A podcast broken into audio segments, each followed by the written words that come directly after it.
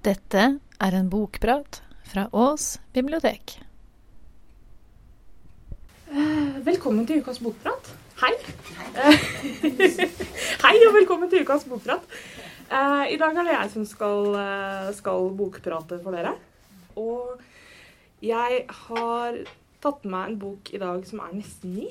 Den kom i september i år, tror jeg. Eh, og det er også Jeg har juksa litt i dag. Jeg har tatt med meg en av de som jeg har valgt som min, en av mine årets bøker for 2016. Så det er en liten spoiler her, for hvis noen allerede har vært på det årets bøker-arrangementet, eller eller har tenkt å gå på et av de neste, uh, så får dere en liten, en liten avsløring nå, rett og slett. Men uh, grunnen til at jeg har tatt, tatt den med allikevel, det er at jeg har så veldig lyst til å prate mer om den enn det jeg får gjort på de kanskje fem minuttene jeg har på, til å prate om, prate om den på årets bøker. Eh, det her er boka 'Hennes løgnaktige ytre' av Selma Lønning Aare. Eh, det er en roman, men den er basert på virkelige hendelser. Og det de, altså de tingene som er etterprøvbare, som brev og avisartikler, de stemmer med virkeligheten.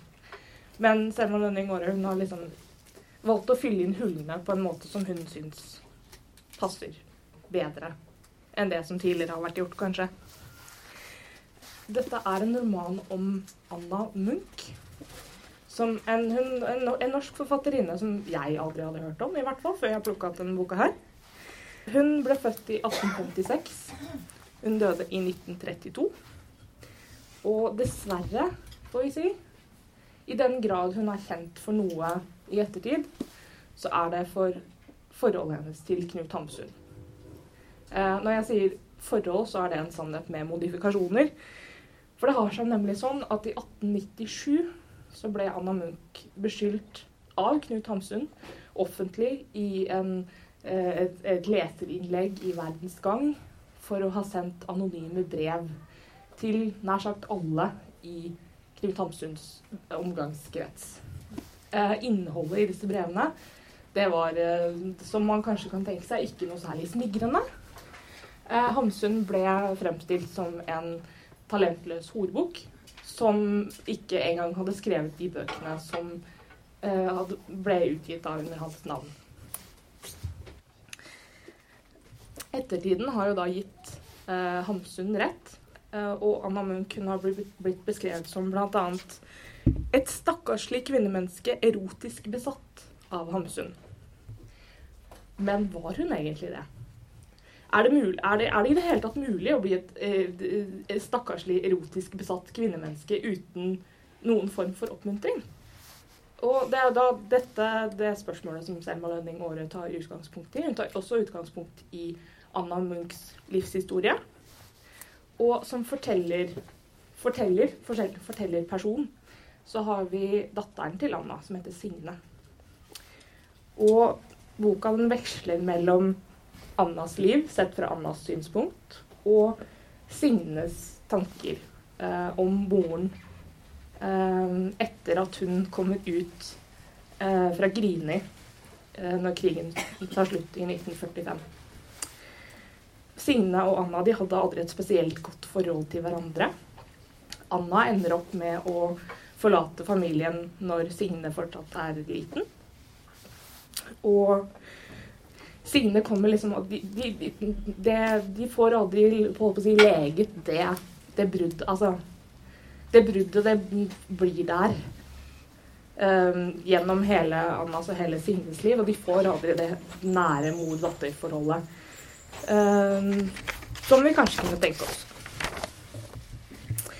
Anna hun var gift med eh, en som heter Ragnvald Munch. Munch. Eh, for de av dere som er interessert, er han, eller var han fetteren til Edvard Munch. Så det er en, en eh, forbindelse med Det, det er det Munch-navnet. For de som lurte på det. Anna hun hadde i utgangspunktet alt som skulle til for å være lykkelig og, og vellykka i, på slutten av 1800-tallet. Hun hadde en eh, trofast eh, mann, og, en, eh, og de hadde godt med penger, så hun trengte ikke tenke på det. Det eneste hun trengte å tenke på, det var å ta seg av Signe og, og føre husholdningsbudsjettet. Men det tar ikke så veldig lang tid før Anna innser at hun, hun, det, det, må være noe mer. Hun vil noe mer. Hun klarer ikke bare være denne perfekte husmoren eh, som, som eh, går i parken med, med datteren og, og, holder husholdningsbudsjettet. Så eh, hun tar opp igjen tar opp igjen skrivingen, rett og slett. Hun finner fram igjen noen gamle kladd eller førsteutkast som hun har skrevet før hun gifta seg og fikk barn. Og så begynner hun å, å, skrive videre og jobbe videre med dette her, da. Og så treffer hun jo da også Knut Hamsun.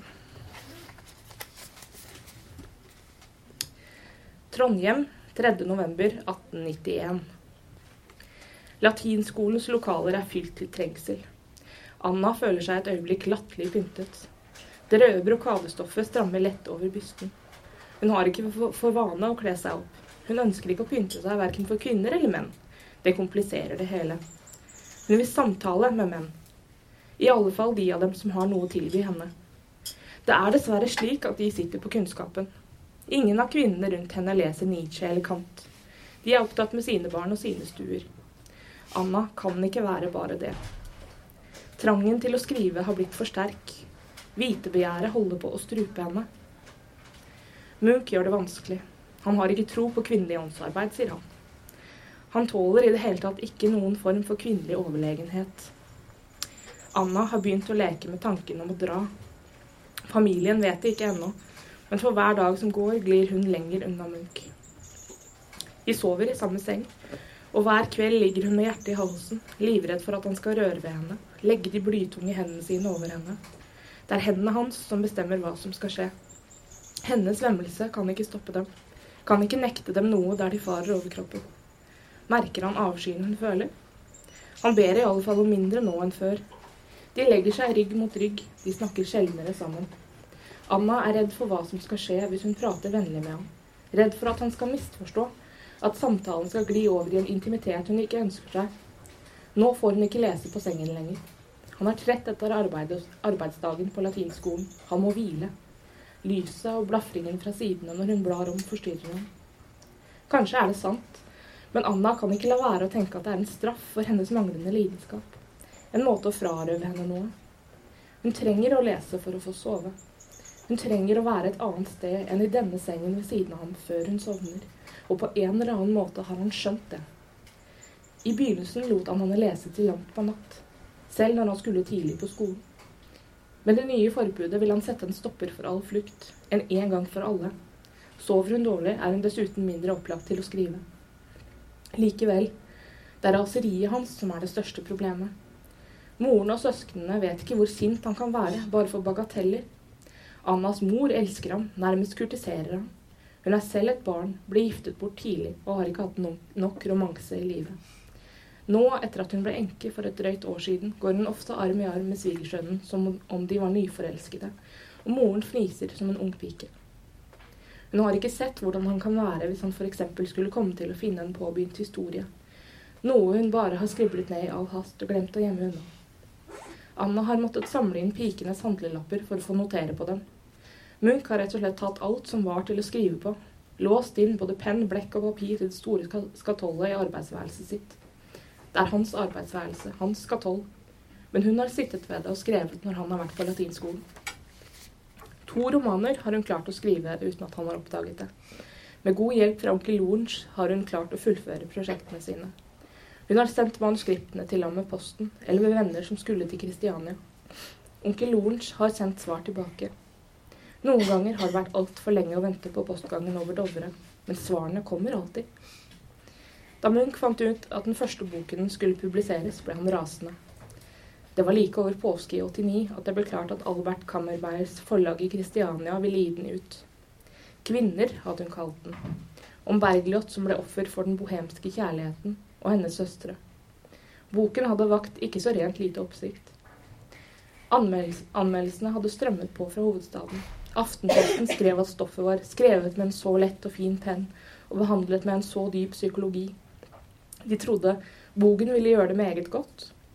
Morgenbladet oppfordret til å legge den på julebordet, og Dagbladet forkynte at de i henne hadde fått en ny forfatterinne. Bok nummer to, en oppfølger til Kvinner, kom året etter og gjorde det selvfølgelig ikke bedre mellom ektefellene. Hun har forsøkt å la være, men hun er dratt mot det. Det er som et trykk som legger seg over pannen. Hun kan ikke brenne inne med alt som kverner i henne. Kommer det ikke ut, vil alt eksplodere. Etter at Bjørnson skrev en hanske, hadde trangen til å skrive vokst frem. Visst var det flott at Bjørnson talte kvinnenes sak, men kvinnene måtte også, måtte også selv si noe, måtte vise at de hadde en stemme, at de nettopp ikke trengte menn til å tale deres sak. Ikke sånn svavasvevende, men som ekte kvinner. Når ordene havner på papiret, er det som trykket letter, som om hun kan puste friere. De går tur i parken, og hun er som de andre mødrene. Mater endene og snakker om huslige ting. Signe liker henne da. Det merker hun. Selvfølgelig er raseriet til Munch et problem. Men det, virke, det virkelige problemet er at han ikke forstår. Hun må skrive. Og han svarer altså med å låse inne alt som er til å skrive på. Og hun gjør sine notater på pikenes handlelapper, eller handler nye ark over husholdningsbudsjettet, som hun gjemmer på ulike steder i huset.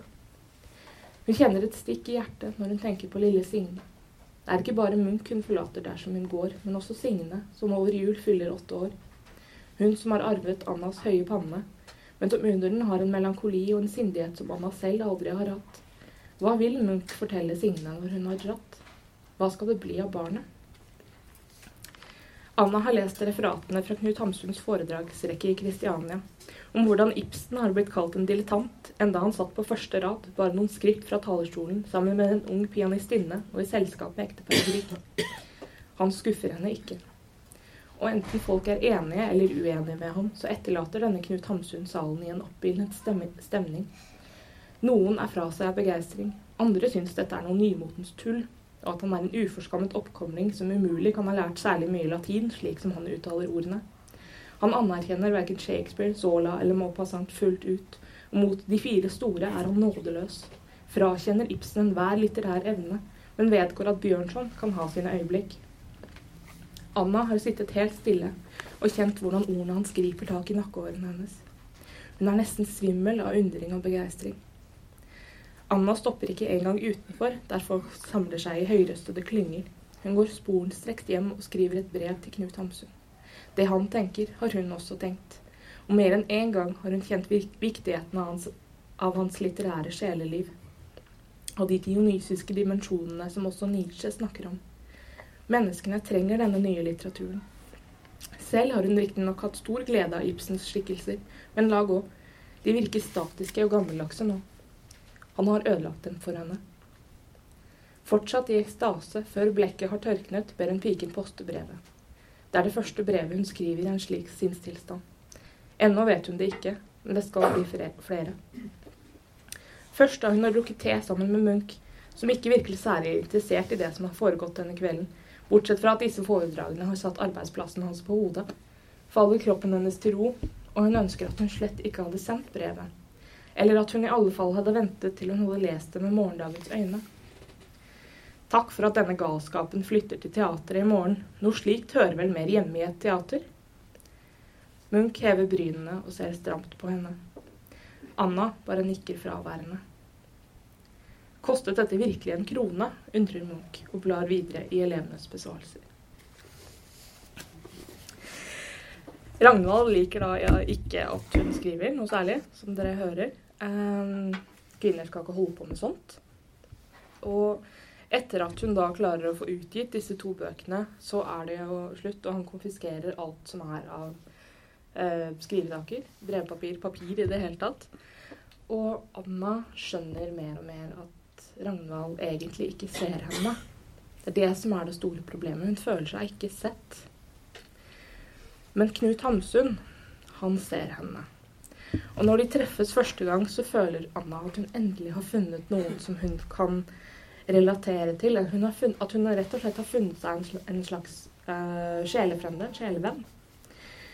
Uh, og i den grad hun blir besatt, så tror jeg at det er av den tanken at, han, at, altså at Hamsun er hennes sjelevenn. At de er hverandres sjelevenner.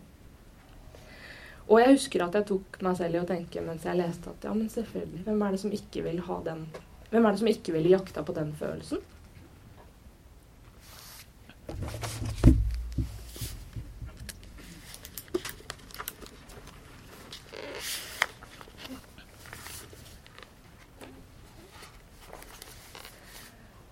Trondheim 21.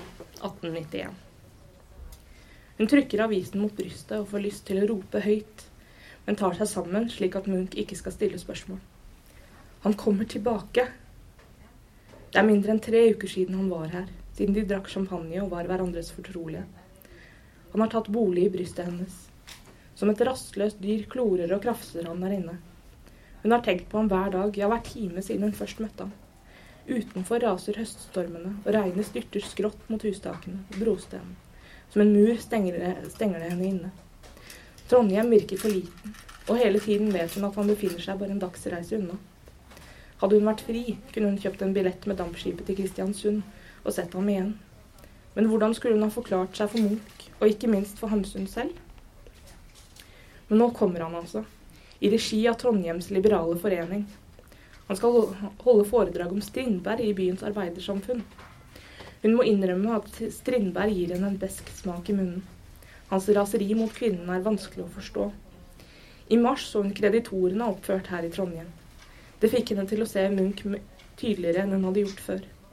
Riktignok går Tekla stykket stykke lenger med sine skriverier enn Anda noen gang har gjort, men Strindbergs motarbeidelse av den kvinnelige stemmen kan hun kjenne igjen. De hadde vært i en sammenkomst hos konsul Jensen forleden, og da hadde, røket, da hadde hun røket uklar med noen av kollegene til Munch om akkurat dette. Hun hadde nok ganske sikkert vært høyrøstet. Munch hadde gitt henne en reprimande da de kom hjem, som om hun var en skolejente.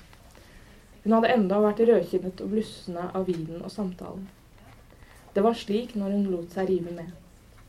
Munch hadde sittet i andre enden av salongen, der herrene røkte sigarer og spilte kort, men selv på avstand hadde forakten hans latt seg spore. Eller hadde det vært frykt? Blikket hans hadde ikke levnet noen tvil om hva hun hadde hatt i vente. Han hatet at hun satte seg til rors. Da stemmen hans hadde hevet seg, hadde hun bare lukket øynene, og før hun visste ordet av det, hadde, han grepet henne i armen og slengt henne mot veggen. De første gangene hadde vært som å bli spyttet på. Siden hadde det hardnet henne. Som da hun var liten, sto i skolegården og de andre kastet stein på henne. Det hele dreide seg om en misforståelse. De andre jentene ville ha det til at hun hadde stjålet en fargeblyant. Det stemte selvfølgelig ikke. Men hun ble stående med lukkede øyne og kjenne på smerten fra steinene som traff henne. Og noe merkelig oppsto. Bak øyelokkene så hun en underlig bølgende rødfarge. Det var som musikk, denne fargen. Smerten forsvant, og en hittil ukjent glede steg opp fra ingensteds. En styrke som løftet henne opp og ut av skolegården. Som bare gjorde henne mer trassig og mye sterkere. Ja, nesten farlig. På samme måte føler hun nå at han ikke kan røre henne. Ikke virkelig røre henne. Eller eie henne. Hun er oppriktig spent på hva Hamsun kan ha å si om den svenske mesteren.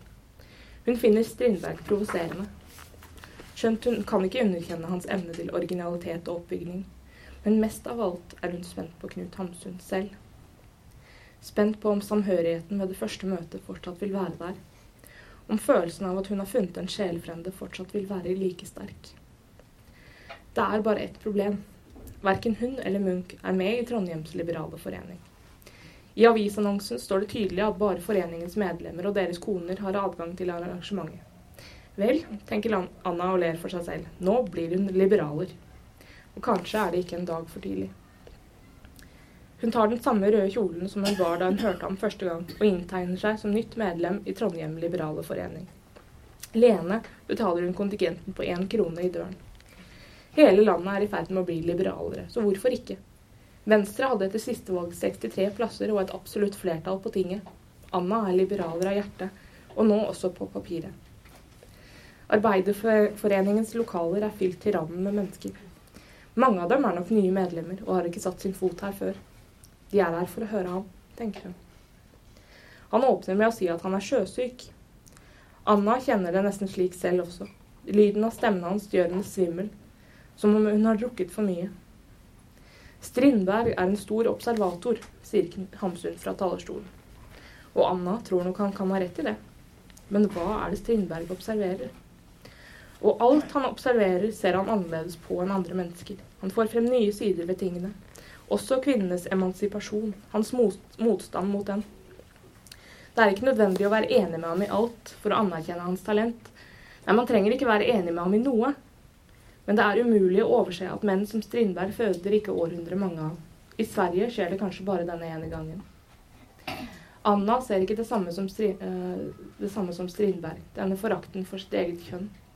Hun ønsker heller ikke at Hamsun skal se det, at han skal holde Strindberg for en stor tenker.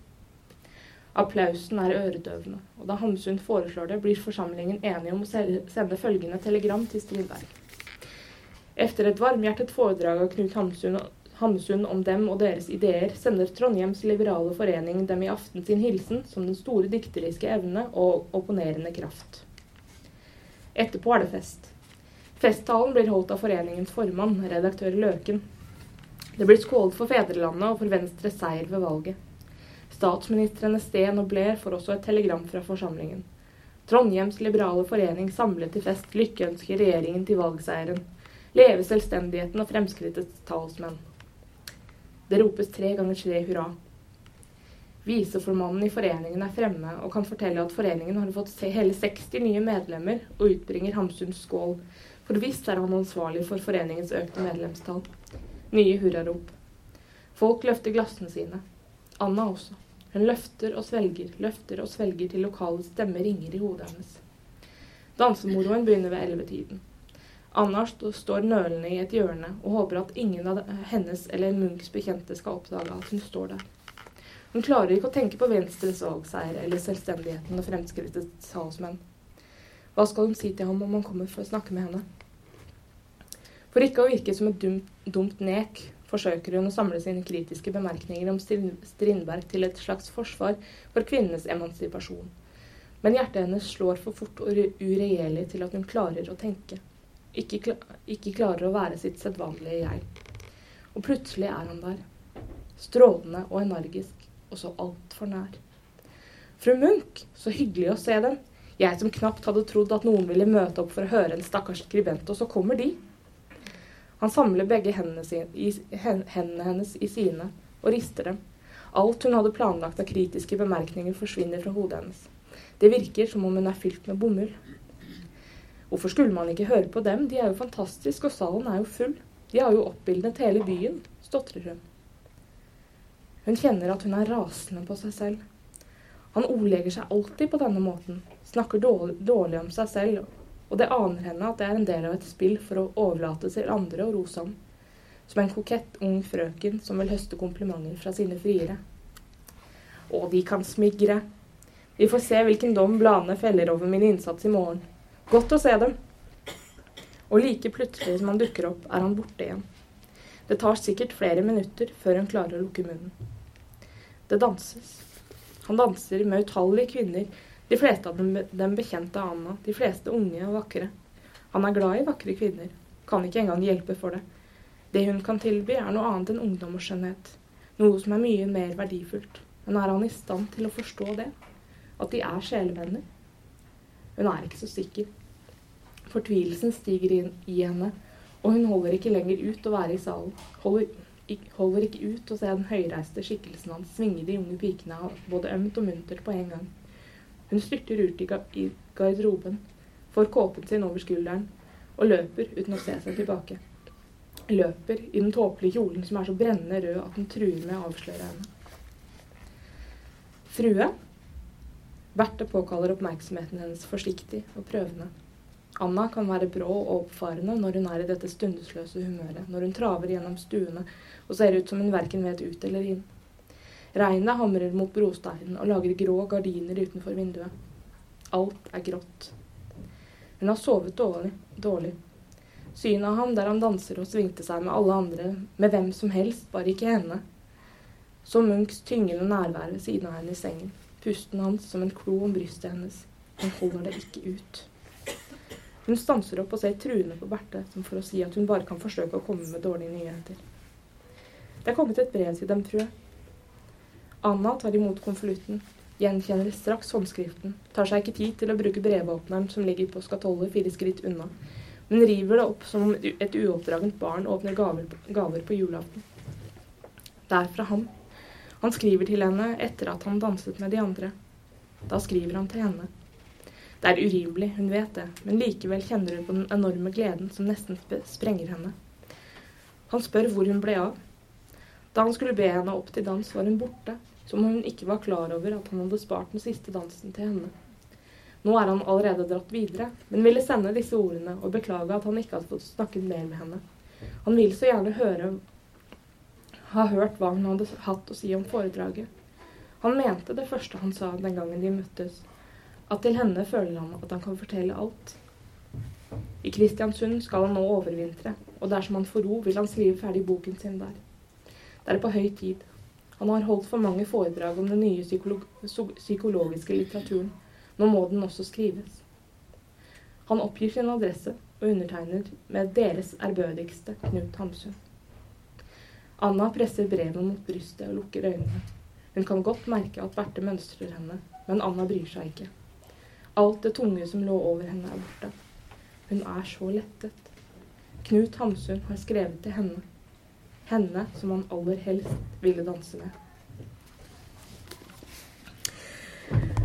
Jeg tar det alltid som et godt tegn uh, når jeg tar meg selv i å ønske meg evnen til å hoppe inn i boka og be en eller flere av karakterene om å skjerpe seg mens jeg leser. Uh, og det skjedde opptil flere ganger i denne boka her. Uh, og jeg hadde også et par episoder hvor jeg, jeg tror jeg til og med sa det høyt at nei, ikke gjør det. Fordi at det er så pinlig åpenbart for deg som leser at dette kommer ikke til å gå veien. Men det jeg setter mest pris på med denne boka, her, det er det at Anna Munch trer så veldig klart fram som et menneske. Og hun er ikke perfekt, og noen ganger så liker du henne ikke spesielt engang, for hun gjør mye dumt. Altså Hun går fra mann og barn for å, på å si, leve herrens glade dager på kontinentet. Og det er ikke veldig sympatisk alltid. Men så føler du veldig med henne også fordi at hun er så jeg tror, jeg tror, hun var veldig forut for sin tid. Jeg får i hvert fall det, det bildet av henne eh, i Selma Lønning Aarøs ord at dette er en dame som eh, hadde synspunkter og ideer som lå veldig langt utenfor det damer på hennes tid skulle tenke på og, og filosofere over.